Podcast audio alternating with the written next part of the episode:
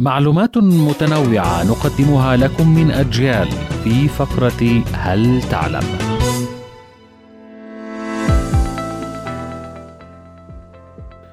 رمي الأسنان تعد هذه العادة من العادات اليونانية القديمة إذ يقوم الأطفال بعد فقدان أسنانهم بإخفائها تحت وسائدهم وذلك لاستبدالها في اليوم التالي والحصول على نقود من بيعها كما تنتشر هذه الخرافات حاليا في العديد من دول العالم ويقوم بعض الأطفال برمي أسنانهم من فوق أسطح منازلهم أيضا.